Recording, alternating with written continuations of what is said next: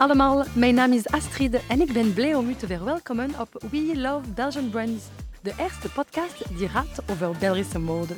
Met We Love Belgian Brand podcast richt ik de microfoon naar alle acteurs van de Belgische mode, die de sector vormen met veel facetten en een creatieve rijkdom die soms onbekend is. Door deze interviews wil ik de mensen ontmoeten en luisteren naar de verhalen achter een merk. Want een succes is altijd complexer dan een mooie reclame of een Instagram-post. Er zijn leuke momenten, maar ook toch veel moeilijkheden. Met deze podcast wil ik graag naar het hart van de Belgische merken gaan om de businessmodel te delen, om vragen te stellen en een menselijke approach te geven.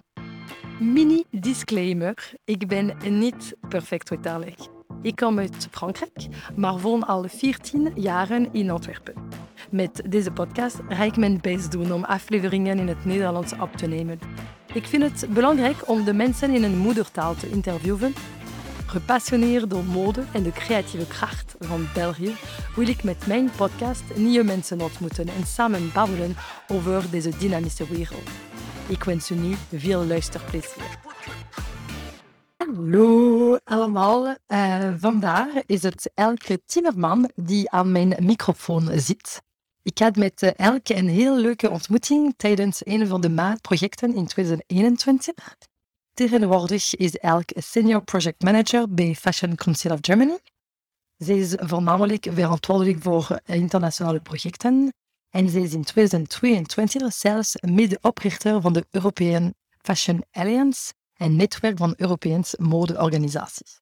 Daarvoor was hij business en career director bij Maat Brussels, het design- en modeplatform in Brussel. Dus hij heeft een zeer goede kennis van de Belgische mode. Via haar verschillende activiteiten wordt elke gedreven door de ambitie om Brussels en Belgische mode- en design-talenten te promoten, zowel in België als in het buitenland. Haar vandaag ontmoeten is voor mij de perfecte gelegenheid om haar te vragen wat de realiteit is van de Belgische designers vandaag wat is een plaats op internationaal niveau en hoe kunnen we de talenten van morgen laten schitteren? Hallo, daar Elk. Hey, dag Astrid. Ik begin graag met, uh, ja, wie ben je, Elk? Kun je in een paar uh, woorden je voorstellen, alsjeblieft? Ja, een paar woorden. uh, ik ben Elke Timmerman. Ik ben nu 40 jaar, exact. Oh. Ja, ik heb twee kleine kindjes van vier en acht jaar, Soho en Phoenix. En ik ben ja, inderdaad werkzaam in Berlijn uh, momenteel, maar ik werk wel van thuis uit. Dus ik heb het geluk, dankzij COVID, um, om deze opportuniteit te krijgen en toch internationaal actief te zijn, maar van thuis uit te werken. Top. Zodanig het al lukt in combinatie met de kinderen. En wij wonen, allee, wij wonen, of ik woon in Brussel, waar ik heel graag woon. Cool. Voilà. Heb je altijd in de modesector willen werken? Wat was je droomjob toen je, je kind was? Eigenlijk toen ik kind was, wou ik politieker worden. Ah. Ja, politieker. Ik heb ook politieke wetenschappen gedaan, internationale betrekkingen dan. Maar ik had wel twee passies, mode en politiek. Ah, Oké, okay, interessant. Ja. ja, en ik heb dat in het begin ook kunnen combineren. Eigenlijk heb ik dat altijd kunnen combineren, ook vanuit het met-perspectief dan. Ja. Omdat het eigenlijk ook vrij ja, vanuit de overheid is subsidies, onderhandelen met politieke instellingen en zo. En dat vind ik altijd heel uitdagend geweest, want dat zijn twee verschillende sectoren, maar die, toch, maar die toch wel ja, gelinkt zijn aan elkaar. Voilà. Maar ik, ik, had als kind niet zoiets van, oh oké, ik wil de prinses worden of de modeontwerper of de politieker. Het was zoiets van een interesse en we gaan op dat, in die richting uit. Maar zowel ja, de theorie als dan het creatieve, een beetje. Super. Ja. En uh, in welke geval vindt u belangrijk dat er een, een sterke link is tussen de modesector en de politiek? Ik vind dat eigenlijk heel belangrijk. Ik vind het vooral de rol van de politiek, als ik het even zo heel Ja. algemeen mag zeggen, om aandacht te besteden aan creatieve industrieën in the large sense of the word. Hè. En we hebben ook het geluk, denk ik, ook in, zeker in West-Europa, maar ook in België, dat we met een zeer actieve overheid zitten, die eigenlijk al van vrij vroeg toch ook wel creatieve industrieën erkent. Absoluut. En ook zeker de modesector, dat is meer historisch gelinkt al, uh, met het hele textielplan in de jaren tachtig. Mhm. Die de, allee, de, de textielindustrie die eigenlijk aan het uh, ja, verzwakken was, ik zal het zo zeggen, ja, met de concurrentieslag van, de, van Oost-Europa, maar ook van China en zo, werd de textielindustrie hier in België minder, allee, minder ontwikkeld, zal het zo zijn. En heeft de overheid eigenlijk vrij snel beslist om toch te gaan investeren en een plan op te stellen waarbij ze de textielsector konden redden. En daarin zijn ze dus met de gouden spoel ook in geslaagd om dan de textielindustrie, dus de productie, te linken aan het hele creatieve aspect. Vandaar dus is van Antwerpen en bla bla bla.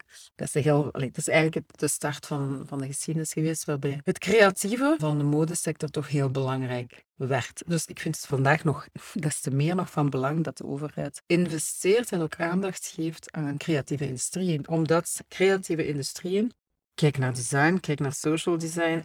Architecten, zij kunnen ook een grote rol spelen in oplossingen. De modesector misschien iets minder, alhoewel. Ik denk dat dat ook wel bestaat, dat er oplossingen vanuit de modesector kunnen gegeven of gegenereerd worden op globale problematieken, ik zal het zo zeggen, waarbij de, waarin de overheid ook een rol kan spelen.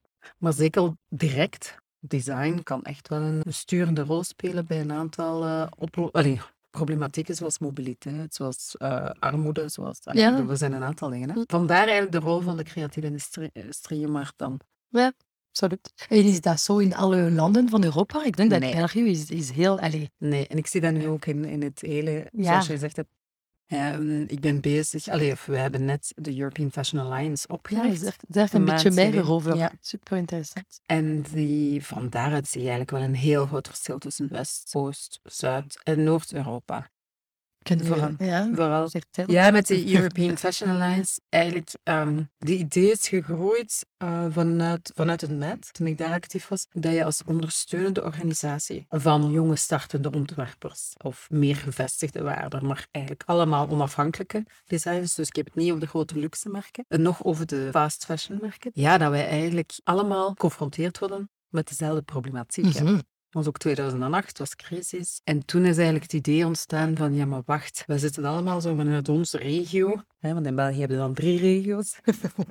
maar in andere landen soms ook. Iedereen zit zo wat te ploeteren en probeert zijn leden of niet leden, hè, dat hangt af van dat de organisatie opgericht is, proberen de visibiliteit te geven, die te promoten, maar wij communiceren niet. En dan heb ik het idee gehad van, ja wacht, we zijn nu toch wel ook hoofdstad van Europa, want dat was ook een beetje de, de zoektocht naar wie is Brussel, hè, omdat met Brussel in, in Brussel gevestigd was. En ik kreeg vaak de vraag van journalisten, ja maar ja, Antwerpen, hè, hoe positioneren jullie zich? Ik had zoiets van, ja, bon, uh, we zijn hier geen concurrenten, we zijn hier één land, we werken samen. Maar van daaruit ook dat idee van we kunnen Brussel ook wel positioneren. Mhm. En wat is de USP van Brussel? Namelijk het hele, het hele hart van Europa en het netwerken gegeven. Hè? Dus dan ben ik gestart. Gelukkig heb ik dan ook de kans gekregen om daar een eerste, event, of een eerste event te organiseren waarbij dat er toch denk twintigtal Europese organisaties Top. aanwezig waren door gewoon knal de telefoon te pakken en te zeggen, wij zijn die. Of wij zijn met Brussel. en we zouden graag toch een eerste vergadering organiseren. Wat denken jullie? Dat was echt een evenement. De Queen, de Queen, allez, uh, prinses Mathilde was dat toen nog. Is toen wel ook langs geweest. Ja, ze was toen nog geen koningin. Dat is heel fijn, ja. Dat was, dat was heel tof. En van daaruit is eigenlijk het idee ontstaan van elk jaar een European Fashion Summit, een, een top te organiseren. Waarbij er ook een aantal experten dan werden uitgenodigd. En zo verstevigde het netwerk zich. Ook een aantal Europese projecten geïnitieerd. En was het idee, en ik kwam langzaamaan het idee op tafel van, zouden we daar geen permanente structuur van maken? Ook de vraag van Europa, van de Europese Commissie kwam meer en meer van ja, informatie te geven mhm. vanuit de sector, wat de vragen waren, wat de urgenties waren. Ja, en dan rol je heel snel uit. Zouden we geen lobbyorganisme mhm. oprichten? Maar lobby, dat klinkt zo'n beetje... Mm. Goed wetende dat luxe merken, zoals LVMH en Kering, allemaal een Europese vertegenwoordiger hebben en daar ook direct access uh, hebben en zij ook aan, mee aan tafel zitten, ik zal het zo zeggen.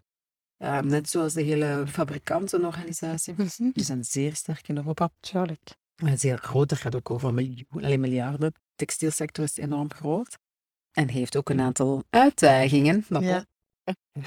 maar heel die creatieve kant, het niet meer aan tafel. Dan dachten we, ja, maar wacht eens. Ja. Dit klopt niet. En we hebben een eerste poging gedaan met de European Fashion Council. En dat is, ja, covid-wise een beetje in de frigo beland. En dan, toen ik dan weggegaan ben met, mijn Duitse collega aan de had, en die ik vertelde van, ja kijk, ik ga weg, jammer genoeg. En het was een moeilijke beslissing, maar bon, ja maar wacht, wacht, you're gonna, we're gonna work together.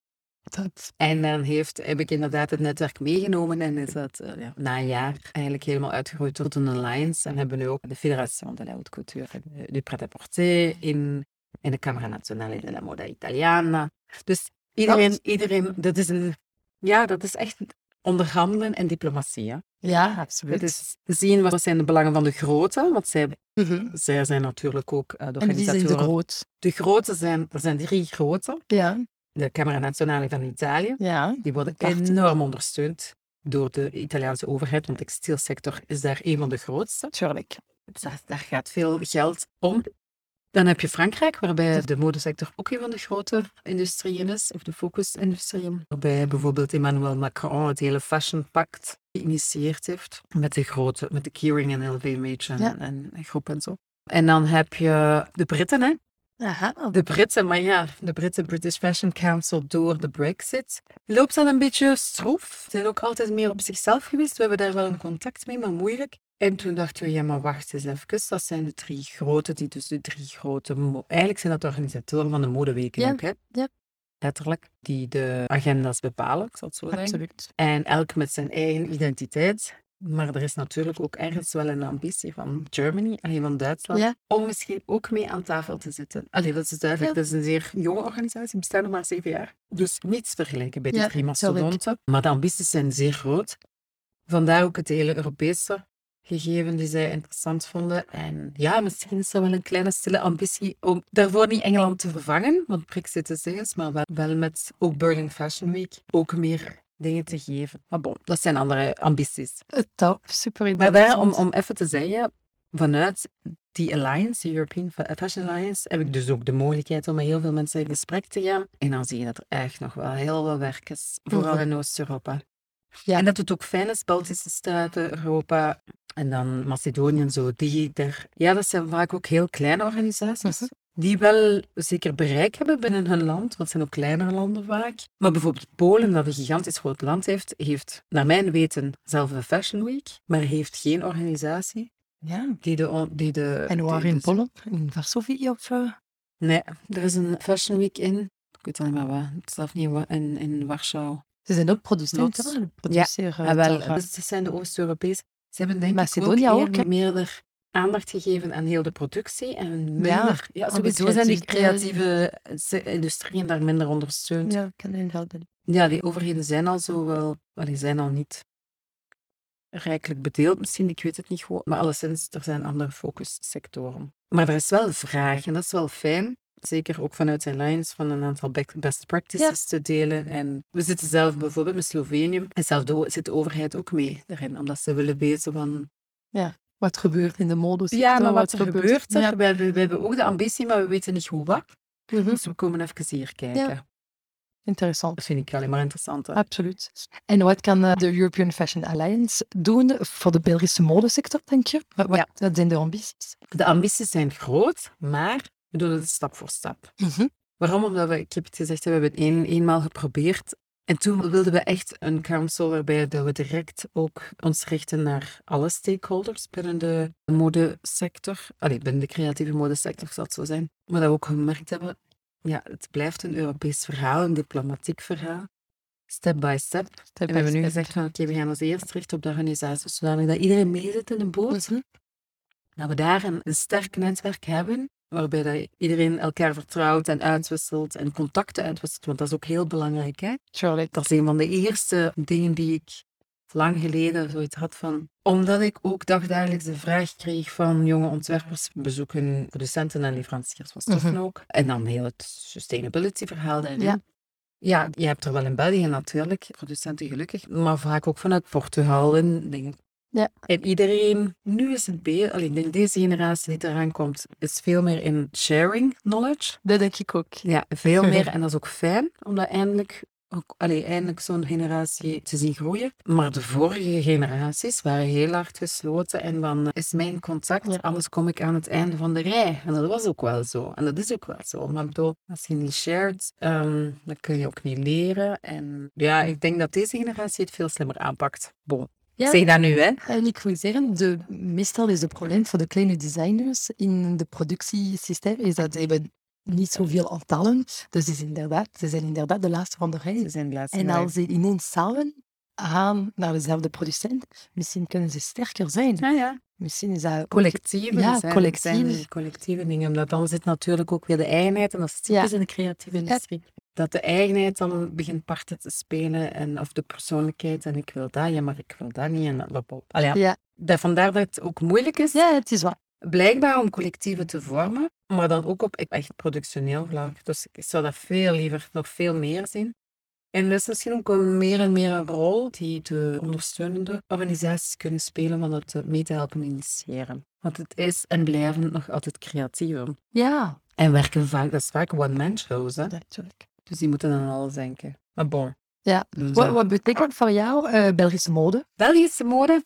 Het is al lang geleden dat ik het zo nog een keer hoor. Ja. uitgelegd. Maar Belgische mode blijft voor mij iets heel, heel apart. Een heel sterk label. Ik denk dat we Mhm. de laatste 40 jaar er toch in geslaagd zijn om Belgische mode op de wereldkaart te zetten als avant-garde. Zeer, niet eigen gereid, want dat klinkt zo negatief, maar wel zeer persoonlijk. We beginnen al met de zes- zes van Antwerpen, dat wij gewoon zes verschillende Absoluut. stijlen. Ja. Totaal eigenlijk bijna niks met elkaar te maken. En dat was ook het mooie daaraan. En ik denk... eh, Ze waren gevonden van dezelfde school. Ja, ze En waren ze- gewoon van hetzelfde jaar. Ja, zelfs niet van hetzelfde jaar ook niet. Nee, Nee, nee, tussen 82 en de zes 72 jaar. onuitspreekbare namen, dus laten we dat zes van Antwerpen, maar echt met een eigen stijl. En zij zijn er wel in geslaagd om, dankzij hen toch, in een aantal eh, mensen die daarna gevolgd zijn, zoals Raf Simons en zo, Ja, juist. van Belgische mode op de kaart te zetten. Ook Belgische studenten of, of afgestudeerden zijn zeer geheerd in het, in het, in het buitenland. Mhm. In Parijs, in, eh, um, allee, waar, waar dan ook ter wereld. Eén, harde werkers. Ja. En twee, ja, die hebben toch wel een zeer uitgesproken identiteit. Dus qua ontwerp vind ik dat we zeker moeten blijven op dezelfde weg gaan. Ja, Qua positionering denk dat we daar een vrij unieke positie hebben ook. Ik zou nog de laatste generaties, nu er is heel veel hè, momenteel, wat er op tafel ligt. En ja, ik mis soms, ja, ik durf dat nu wel zeggen, ik mis soms nog een aantal sterke namen momenteel. Mhm. Er zijn er wel. En er zijn er die zeker potentieel hebben om dat te doen. Heel Rogel bijvoorbeeld, Mhm. dat is zeker. Maar ja, het is gewoon vandaag de dag niet zo gemakkelijk natuurlijk meer Tuurlijk. om een merk helemaal uit te bouwen. Tuurlijk. Wat zijn de activiteiten dat je zelf heeft ondersteund in je carrière om de designers, de ontwerpers te kunnen ondersteunen? Ja, heel, heel breed. Hè? Dat is Ja. begonnen van een- toen ik... Eigenlijk is het echt begonnen zelfs nog voor mij, toen ik eh, bij ONA, een, Ah, ja? een Ja. in Antwerpen, nog altijd. En dat is een heel, groot agentschap, ook een heel tof agentschap. eh, Waar ik mee verantwoordelijk was ook voor de Belgische mode. En toen voor het eerst in contact kwam met Girls from Omsk. Bestaan Ah, niet ja. meer. Ja. Eh, Girls from Omsk, dat dan veranderd het in Omsk. En dat was eigenlijk de eerste keer, denk ik, dat ik echt in contact kwam met kleine designers. En hoe dat je allee, en eigenlijk dagelijks hun uitdagingen zag. En die dan gewoon puur en alleen PR-ondersteuning. Dat was dan nog de oude PR. Hè. Eh, Ja.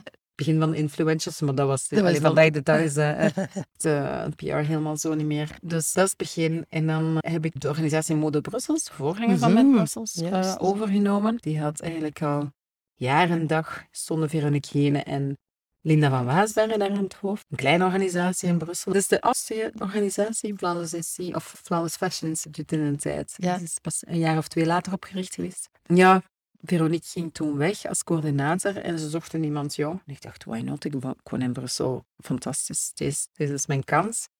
En inderdaad, maar toen was er wel al sprake, dat wist ik natuurlijk niet voordat ik die job accepteerde, dat dit zou fusioneren in een grotere, organisatie, in een groter geheel samen met design, wat natuurlijk super interessant was. En dan een mode- en designhuis zouden worden, twee jaar later. Voilà, van daaruit. Maar we zijn begonnen eigenlijk vooral met activiteiten, dus het parcours. Ja. Hè, echt visibiliteit creëren. Dat was eigenlijk de. Ja. Visibiliteit creëren voor ontwerpers. Gisteren, vandaag en morgen. En het parcours was toen nog een groot evenement in de Brusselse binnenstad. De internationale acties. Dat was ook naar Parijs, Parijse Modeweek. Italië heb ik nog gedaan. En dan was het meestal ook een langere afstand die we dan exploreerden. Ja, het ging vooral over evenementen, maar ja, dat was... En met parcours twee. was en, en parcours. Een parcours in de Dansaartwijk. Ja, voilà. In de tussen Dansaartwijk winkels. tussen winkels, maar het ging ook om de winkels, maar eigenlijk waren de grootste actoren waren de designers die in de vitrines gedurende een weekend een creatieve installatie, dus Ja. niet gewoon puur een collecties, maar echt rond een thema. Er was altijd een thema. Vitrines. En dan ging men echt van vitrine naar vitrine. En dat, per, gaf ook de kans aan de boutiques om mensen over een drempel te krijgen. Want Ja. bijvoorbeeld een stijlwinkel in, in Dansaar, niet iedereen durft daar ook gewoon binnen gaan. Dat is nog jammer genoeg nog altijd een grote barrière voor sommige mensen. Maar ja, dat gaf wel de kans aan... En dat was op Ja, dan artikels. Ja, in de pers. Ja, ja, dat was een groot- uw naam als designer. Voilà, eh, voilà. En dat geeft voor een aantal ontwerpers toch wel een lancering gegeven, is dat zo zijn. Vandaag de dag, om dat nu te kopiëren, zou dat niet meer werken, denk ik. Nee. Mensen hebben andere verwachtingen en besteden een tijd anders, dat zo zijn. Maar er kwam echt wel ja, 10.000 mensen op af op Leuk. een weekend. Dat was heel fijn. Dat je vindt. En dan zijn we gefusioneerd binnen SMET. Evenementen langzaamaan met verschillende overheden, ook Brusselse overheden, eh, samengewerkt. Ook een ecodesign-programma opgestart en zo. En dan kwam eigenlijk heel vrij snel mijn vraag, maar ook de vraag vanuit de politiek van, ja maar wacht, we kunnen wij heel veel visibiliteit creëren, maar als daar niks achter staat, ja, die ontwerpers staan gewoon alleen in heel hun businessontwikkeling. Daarop moeten we werken, daarop moeten we ondersteunen, daarop moeten we kennis zetten en sharen. Dus dan heb ik eigenlijk het businessdepartement opgericht in 2016. Ik weet dat nog, dat was echt een vraag aan de stad van Brussel. We vragen of dat, dat mocht. Dan mogen we het businessdepartement. Yes. Bon, eh, vandaag dag is dat gewoon een evidentie, Ja. denk ik. Maar dat was eigenlijk nog vrij laat. Flanders, F- eh, Flanders Fashion Institute eh, richtte zich ook vooral op evenementen, maar is dan gefusioneerd met Flanders DC, die dan veel meer op het hele businessverhaal zaten. Dus zij waren daar al mee bezig. En wij moesten echt van scratch beginnen. Ja. Maar ça va, dat was heel fijn. Dat was echt, oké, we gaan En echt coachings en mentoringprogramma's opstarten. Ja. Voor jonge ontwerpers, voor starters, maar dan ook voor gevestigde waarden. Er was ook een financiële compensatie, maar een financiële injectie. Toen nog mogelijk eh, van enveloppen waarbij dat we dan echt ja, de ontwerpers direct ook konden ondersteunen. Want daar gaat het ook wel om. Soms, ik zeg niet altijd dat dat de beste formule is, maar op dat moment was dat wel welkom voor sommigen. Maar nooit geld voor niks. Dat was echt Mhm. van oké, daar zetten we dan x aantal coaches rond. Dus we hadden zeg ook, we hadden niet de financiële slagkracht om echt een business coach in huis te hebben op dat moment fulltime, want dat was wel nodig. Maar ik heb vooral een netwerk van experts rond mij en rond het MET gecreëerd, die specialisten zijn in verschillende fields. En dat was wel wat sterk. Dus mijn ontwerpers werden begeleid door een drie, viertal mensen en voor een bepaalde periode. En hoeveel designers en hoeveel modehuizen hebben jullie daar? Ja, heel veel. In totaal. Per Ja, jaar? dat was een honderdtal per jaar, Ah, denk ik. Ja, honderd, eh, honderd en tiental per jaar. Dat echt de een al intensiever dan de ander, denk ik. Ja. Dus Brussel blijft natuurlijk niet de grootste regio. Hè. Mode en design door elkaar, maar designers zijn van nature uit niet de professionals die echt om hulp vragen, omdat die een veel trager tempo Mhm. hebben. Hè. De ontwikkeling van een product, Mhm. de ontwikkeling van een idee, man, dat ga jij traag. ik vind dat ook wel tof, want mode gaat veel te snel. En wordt is gewoon een very high demanding sector. Ja, Allee, het is waar. Het is Ongelooflijk, gewoon ja. zot, denk ik. Dus dat contrast met design was groot. Dus ik denk dat wij 85 brands hadden, of modeontwerpers hadden. Per jaar en dan, dan 25 tal designers, Ja. dat zijn. Ik kan me inbeelden. Maar heel fijn om mensen ook interactief te gaan. En dan de, ja, de coachings, ja, dan met de starters, ja, dan zie je echt ook mensen die ofwel echt een opleiding gedaan hebben, ofwel carrière switch. Maar bon, voor ieder is een plaats, denk ik dan. We zijn daar nooit elitair, hopelijk toch, nooit elitair geweest. Omdat dat ook niet kan. Dus we waren ook volledig ondersteund door de overheid. Ja, dan mode is moeilijk om selectief te zijn. Mhm. Je moet dat verantwoorden. Dus wij waren wel selectief, eerder in onze internationale activiteiten. Of als er echt financiële injecties waren, dan ja, we moeten selectief zijn. En dan met juries en zo en op koers. Bon, veel activiteiten. ja, en, en, en fijn. En soms konden we echt ook wel een merk van gedurende een aantal jaar van start-up naar internationale ontwikkeling meenemen. En dat is fijn. Dat is echt fijn als je merken echt ziet groeien. Absoluut. Ja. En dat is daarvan vandaag de belangrijkste. hè. Je kan niet blijven Nee. bezig zijn in België.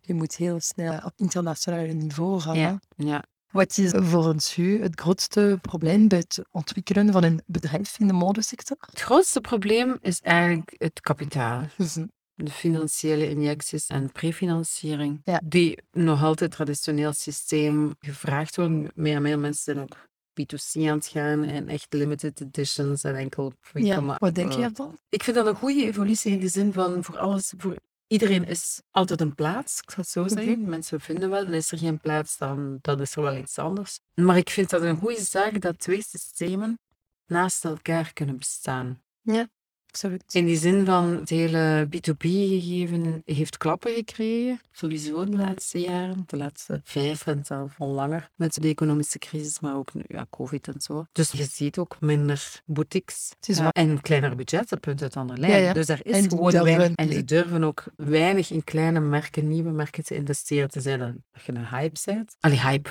dat is ook niet zo, dat is niet juist gezegd. Maar als ik gisteren, ik was gisteren even aan, aan het dingen en ik zag Esther Manas bijvoorbeeld, die is nu al even bezig. Is super toffe madame, die afgestudeerd aan La Cambre. Ik denk al een jaar vier, vijf terug. Dus ik heb die echt van heel jong gevolgd. Begeleid ook, want ze heeft dan de H&M Award meegedinkt en heel die, ze was dan geselecteerd en heel die jury me daar voorbereid, de ringels voorbereid. Allee, zo'n dingen, hè. Dat is, echt, dat ook fijn. En ze is nu ook opgepikt, en ze is zelf eigenlijk ook Frans, van origine, maar ze zit in de showroom bij Fédération de la Haute Couture de la Prêt- Prêt-à-Porter à Paris. Dat is een koppel Balthazar en Esther. En Wat is nog een keer haar naam zeggen? Esther Manas. Manas. Manas.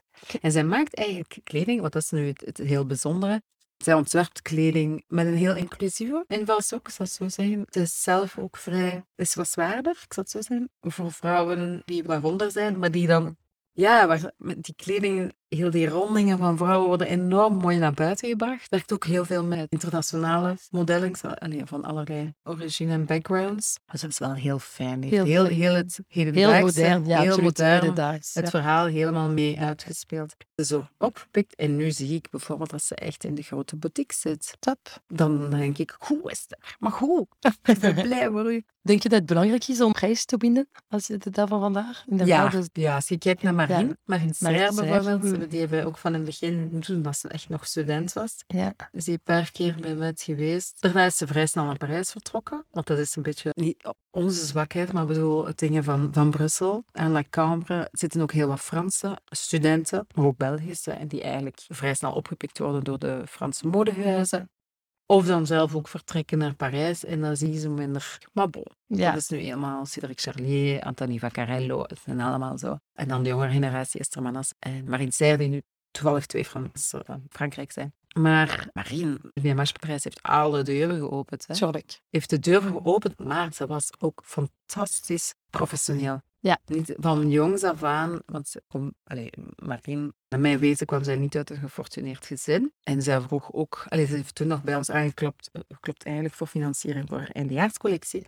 Wat we niet deden, omdat dat ook moeilijk is. En dan, ja, we hadden ook, ook die financiering niet, maar bon, dan nog is het moeilijk om aan iedereen iets te geven. Dus wij, wij hebben dat dan jammer nog niet kunnen doen. Maar Marine is gewoon tout droit Ja, en, en, en die wist waar ze mee bezig was. En wou het hele... Haar eindejaarscollectie was fantastisch. Dat was echt Charles. En van daaruit heeft ze eigenlijk vrij snel haar eigen collectie vertaald. In dezelfde richting. En dat was ook het begin van upcycling. En recycling, ik het zo zeggen. Upcycling en recycling. Allee, begin. We waren daar al mee bezig, maar bedoel in een creatieve vertaling ervan. Losstaande van het hele geitenwolle sokken gedeelte. Was dat wel... eh, ja, het was een, eh, dat vind ik eh, echt nog altijd een van de topverhalen. Ja. Ja. Heb je nog andere leuke verhalen zo? Twee meisjes van La Cambre die ik van het begin gevolgd heb, maar die nu geen, geen meer hebben, dat is Christ. Christ is Erika Schillebeeks en Justine de Moriamé. Dat waren gewoon twee studenten, hè, laatstejaars, en zij hebben beslist, eigenlijk snel beslist om een eigen merk samen op te richten. En was heel hard ook op het prins. Heel hard de prins. En de afkorting van de vier eerste letters van een woord was K- K-R-J-S-T of zoiets. Allee, ja, bon. Christ. Dus dat was een beetje christelijk geïnspireerd. Terwijl dat geen christelijke grieten zijn. Hè? Maar bon, dat was heel mooi. We zijn ook mee naar Parijs geweest in de show. Maar dan bleek ook wel dat dat vrij uitdagend was om dat product ook te commercialiseren. Dus Mhm. ook, het waren dure uh, stuks ook. En, En heel speciaal, heel bijzonder. heel bijzonder. Ja, die printing was eigenlijk van, dan zijn ze echt beginnen experimenteren ook met weavings, alleen met Ah, weeftechnieken. ja, ja, ja, top. Ja, zijn ze naar Tilburg gegaan, naar de Ja. lichtings. En ze, ja, dan, eerst zijn er jassen uitgekomen. Dat was fantastisch, maar dat was gewoon En vrij snel zijn die eigenlijk geëvolueerd naar een textiel. Textiel duo, ik zou het zo zeggen. Dus heel veel meer focussen op wat is de kracht van kleuren en draad en Mhm. materialen. En maken zij wandtapijten nu. Maar, Ah. wat, maar echt moderne Cool. art. Ja, ja, Dus- ja. Nu zijn, dus die zijn nu het onderdeel van Zaventem Atelier. Die zitten bij Zaventem Atelier, bij Lionel Jadot. En die hebben volledig een weg binnen de art scene. Ze zijn Cool. verschillende galerijen samen. Ja. En dat vind ik nog altijd een heel mooi verhaal. Ook Ja, absoluut. zonder collectible. En dan, ja, dan zien ze wel stralen van uiteindelijk begonnen als, ik denk dat die drie, vier collecties, niet zoveel collecties gedaan hebben, maar dan van, oké, dit is het niet. In een eigen weg zoeken, eigen handtekening zoeken, eigen sterkte zoeken. Maar met twee zijn, dat vind ik altijd fijn ook. En nog altijd in dat duo. Welke advies zou je geven aan een beginnende merk? Denk twee keer na. Waar. Denk twee keer, nee. Ja, eigenlijk wel. Denk twee keer na. ja, tuurlijk. Ehm, Absoluut. Moet zeker overtuigd, gepassioneerd. Ja, Dat Ja. is minimum, hè? ja. Je ik zie wel veel mensen die willen, maar dan is er ook nog zoiets als motivatie, een realistisch beeld van waar wil ik naartoe met mijn product. Want het gaat Mhm, meestal om mhm. producten. En daar zit het soms schroef. Mhm. Er zijn ook de nieuwe generatie is ook heel erg bezig met het hele sustainability verhaal. En godzijdank, iedereen moet daarmee bezig zijn. En is daar volgens mij ook wel mee bezig. Ja, het upcycling en durven. Dus ik merk dat er veel meer durf is vandaag om voor zichzelf iets te starten. Ook dankzij sociale media. Hè? Allee, bedoel, dat, is, absoluut. dat is het grootste platform. Ja. Hè? Daar-. Dus iedereen kan. En met de B2C-wereld. Bij Ik B2C denk verhaal. Daarvan vandaag kunnen de mensen voor niet zoveel geld een website beginnen. Ja. En inderdaad met eh, Instagram en de social networks Ja. iets beginnen om, om rechtstreeks Ja, ja, als je een beetje weet hebt van hoe stel ik mezelf en mijn product voor, hoe krijg ik daar een verhaal rond en hoe maak ik mooie foto's, Mhm. raakt al ver. Maar Mhm. dan is het de kunst natuurlijk om het te gaan om te Ja. zetten in commerciële revenues, Mhm. in inkomsten. En daar is natuurlijk altijd de grootste in, Ja. eh, uitdaging. Er is jammer genoeg altijd kapitaal nodig. Om te starten is Om geen starten. probleem. Starten is aan zich geen probleem. Iedereen kan starten met een beetje geld, maar het is Nee, overleven. Overleven en uw merk ook naar de next level brengen. En Ja. daar zit het vaak. En we zien vaak een turning point na... Vroeger was dat zeepcollecties, dat we zo break-even Ja, konden dat. zijn. Ja. Ook waarom ja, binnen het traditionele B2B-systeem en zeker op internationaal vlak, eh, showrooms of ik zal het zo zeggen, buyers, aankopers, kijken toch de kat uit de bomen en zo één seizoen wachten, twee seizoen, drie. Allee, het vierde, derde of vierde seizoen, we zullen misschien eens aankopen. Vandaag de dag is al wat meer uitdagender. Dat blijft wel, Ja, natuurlijk, logisch. Vandaar ook dat dat lang duurt. Tegen dat je een beetje iets of break-even. Maar wat ik wel merk, is dat heel veel van die jonge generaties ervoor geen internationale ambities hebben. En goed zijn met een, een beetje inkomsten die hen een zekere minimum levenskwaliteit kan bieden. Dus ambities liggen anders. Daarvoor niet lager of hoger, maar Ja, ja. anders. Plus een is een set. Dat is misschien wel niet slecht. Ja. Dat is misschien wel niet slecht. Ja. Nee, Maar we nee. moeten niet allemaal eh, werken zeven dagen op zeven. Nee, nee, nee, nee. nee. en dat is sowieso een beetje eigen aan de generatie, de Gen Z's. Ja, ja. Dus eh, ja, vrije En andere tijd, kwaliteit. eh, zeer kwalitatief hoog en willen behouden. Ik zou zou het ook een beetje beter allemaal zo zijn, maar bon. Wat zijn de opdrachten, de uitdagingen van de overheid en van de institutie om inderdaad nu de dag van vandaag de Belgische molensector te steunen? In de ideale wereld, wat zou je willen hebben? In een ideale wereld denk ik dat de overheid, macro denk ik dat we aan zich, dat de overheid wel vrij goed bezig is in die zin van er wordt geld uitgetrokken, alhoewel aan de Vlaamse kant werd dat geld gehalveerd. Dus dat vind ik toch wel een signaal, een belangrijk signaal aan de overheid. Opgelet, de creatieve industrieën moeten blijven ondersteund worden. Dat is nu eenmaal zo dat dat Ja, ja. industrieën zijn, behalve in de kunstwereld, denk ik misschien waar niet, eh, ja, waar mensen gewoon ondersteuning nodig hebben. We zijn geen grote businesswonders vaak. En meer op het businessverhaal. We hebben de tendens om ook het hele visibiliteitsverhaal groot te maken. En dat is nodig, maar eigenlijk het hele ontwikkeling van een merk daarachter kan nog meer ondersteund worden. En daarin speelt de overheid denk ik wel een rol door daarop meer op in te zetten. Ook het hele sustainability verhaal. Dat is de grootste rol. Ook vooral kijken dan naar Europees niveau. Hoe kunnen we de designers helpen om meer sustainable te zijn? Ja, Om eigenlijk, ik zeg niet enkel en alleen, maar vooral door regulatie. Juist. Punt. Punt. We kunnen zeggen zoveel dat we willen, als de regels niet aangepast worden, dan gaat het niet. En mensen, zeker in België eh, overschrijden wij graag de regels. Maar het gaat daar niet over. Het gaat erover wat de douane, minimum, maximum rechten zijn. Ook naar productie van stoffen toe en samenstellingen van stoffen. Dus ik kijk daar vooral naar de productiekant. Gelukkig zijn zo. Europa is daar wel mee bezig.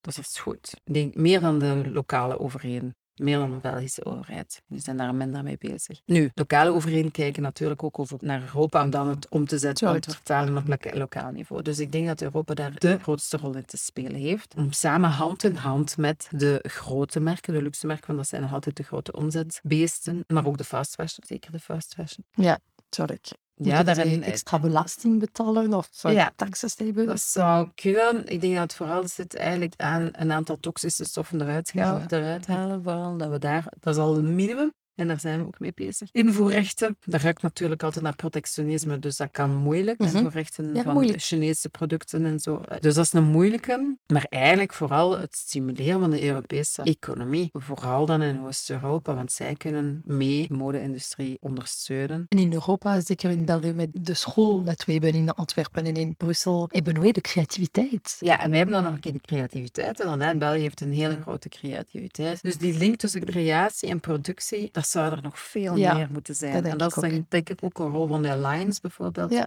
Dat we daar op termijn, eens dat we geïnstalleerd zijn, veel meer moeten werken. Ik vind dat heel mooi Van- ambitie. Ja, vind dat echt... eh, van die rol gewoon klein, die afstand gewoon tussen die twee Ja. eh, kleiner te maken. Door proberen dezelfde taal te spreken, contacten. Volgen een database. Vroeger Ja. hadden we zelfs het idee van we gaan een Tinder doen. Ja, Een Tinder voor ja. producenten en creatieven. Top idee. Ja, Super, nee, maar het is wel eh, een daar leuke initiatief. Werkt of niet, ja. Wel, dat je... Het, zijn allemaal maar ideeën. Daar moet ook nog geld voor zijn om het te kunnen Ja, maar het is al maar- we beginnen met een goed idee. Ja, ja, dat is waar. Top, oh, ik vond dat zo interessant.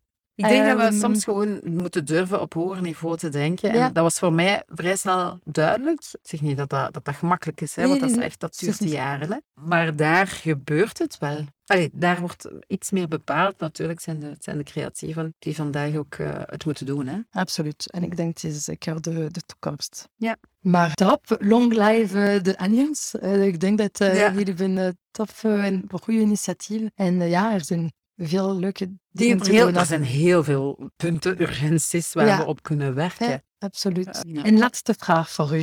Wie inspireert jou in België en in de modesector? En wie zou je graag eh, horen in deze podcast? Ja, wie inspireert mij? Ik denk dat we een van de grootste voorbeelden voor de Belgische mode is nog altijd Walter van Beirendonck. Ja, Nu zijn laatste dagen van de academie. ik heb het gelezen. Ja, Dus hij heeft ook heel veel aandacht gekregen. Maar ik denk dat dat een man is met heel veel bagage. Om die in de podcast te krijgen, dat is iets anders. ik ga proberen. Ja, dat is goed. Ik ga het proberen. Ja, er zijn wel een aantal. Ik heb het zo wat moeilijk... Allee, moeilijk. Ik heb dat altijd gehad. Ik heb geen idolen. Dus, maar er zijn wel heel veel mensen dat ik denk van... Wow, chapeau. En soms ook niet altijd uit de modesector. Nee, hè? Nee. aan wie denk je? Of toch onrechtstreeks uit de modesector. Nee, je hebt architecten, je hebt eh, inderdaad...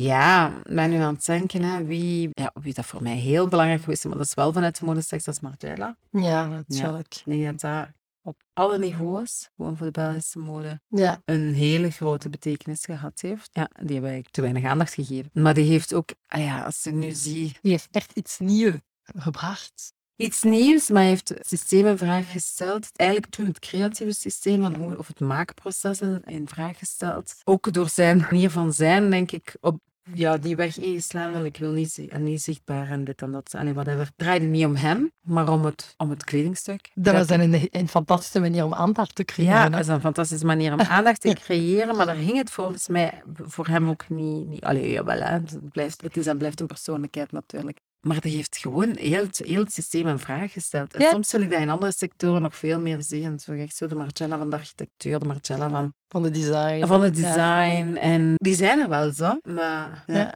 Durven eh, daarvan, ja. ja, op een andere manier eh, de sector... eh, ja, uit te dagen. Gewoon. ja, dat denk ik ook. Ja, want als ik dan zie, dat was dan mijn dingen, hè, van, van, ik was gisteren in de stad aan het rondlopen en dan, ja, zie je ook, ook de Gen Z's, sorry.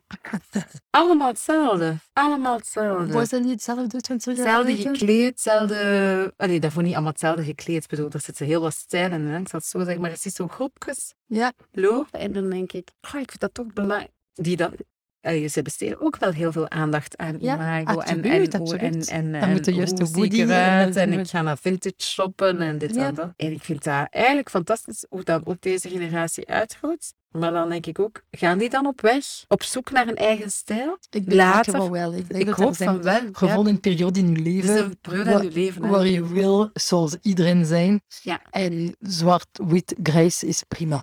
Ja, ja. En, en, en je wil geen uitdaging. Je, je, wil, je durft niet. Nee, en je durft denk, niet. En ik denk, dat kan mee. Dat, allee, dat hebben wij allemaal gehad toen we Ja. teenager waren. Ja, denk zeker. ik. En Ja, dan- waarschijnlijk en, wel, En, dan dat komt wel. En daarna komt het wel, hè? daarna komt het wel, ja. Maar eigenlijk, wat dat, om, om daarover nu dingen, de Gen Z's mogen ook wel eens aan het woord laten. Ik vind Ja. dat heel... Ik heb ooit, ik ga het heel kort houden, dat was een evenement georganiseerd door onze collega's van Flanders DC over technology. En dat was één meisje, de dochter van, die heeft op een micro genomen. Ik weet al niet meer van wie dat eh, de dochter was, maar die was eh, bij wijze van spreken 16 jaar. Het was woensdag namiddag. En die heeft gewoon een hele exposé gedaan hoe dat zij mode zag. Maar dat Ah. was, dat was echt... Ik had echt zoiets van, ja, Oh, wat? tof. Allee, tof. Ja. Dat was ook een meisje die goed in haar schoenen stond en die Ja. echt een hele ding is. Maar ik denk dat wij veel meer mogen luisteren. Ik ook. Ik Ja. ben akkoord. Ik ben eh, gefascineerd door de jonge generatie. Ja. En ik denk dat het interessant om te zien hoe, hoe zachter met, met henzelf zijn zij. En ja veel eh, zachter. Ja. En ik denk dat er veel goede ideeën Ja, veel goede ideeën dingen die voor hen ook evident zijn. Ja, de tot- economy. Ja, circulaire, want dat is Economie, gewoon... tweedehand. het- Daar, en ik zie dat ook Ja. in Antwerpen, de vintage winkel. Ja. Er zijn vol altijd. Er is Maar ja, veel, dat is zot, hè. En de mensen zijn allemaal onder de 25. Ja. Ik vind dat echt leuk. Ik vind dat een goede, goede evolutie. Absoluut. Ik geloof het wel dat er nog veel gaan veranderen Ja. in de modesector. Maar ik hoop dat, dat, we, dat we op die... Ik nodig je uit eh, binnen 20 jaar. Ja, dat is goed, dan binnen- zullen we nog eens Binnen praten. 10 jaar. En dan zijn we de dinosaurus van de modesector. Zijn we nu al, zijn we nu al, we zijn er maar halfweg, maar Ja. we zijn nu al... Nee, is niet waar. Denk je eh, elke. Graag gedaan. En eh, ja, tot binnen 10 jaar. Ja, dank je. Dank je om het uit te nodigen.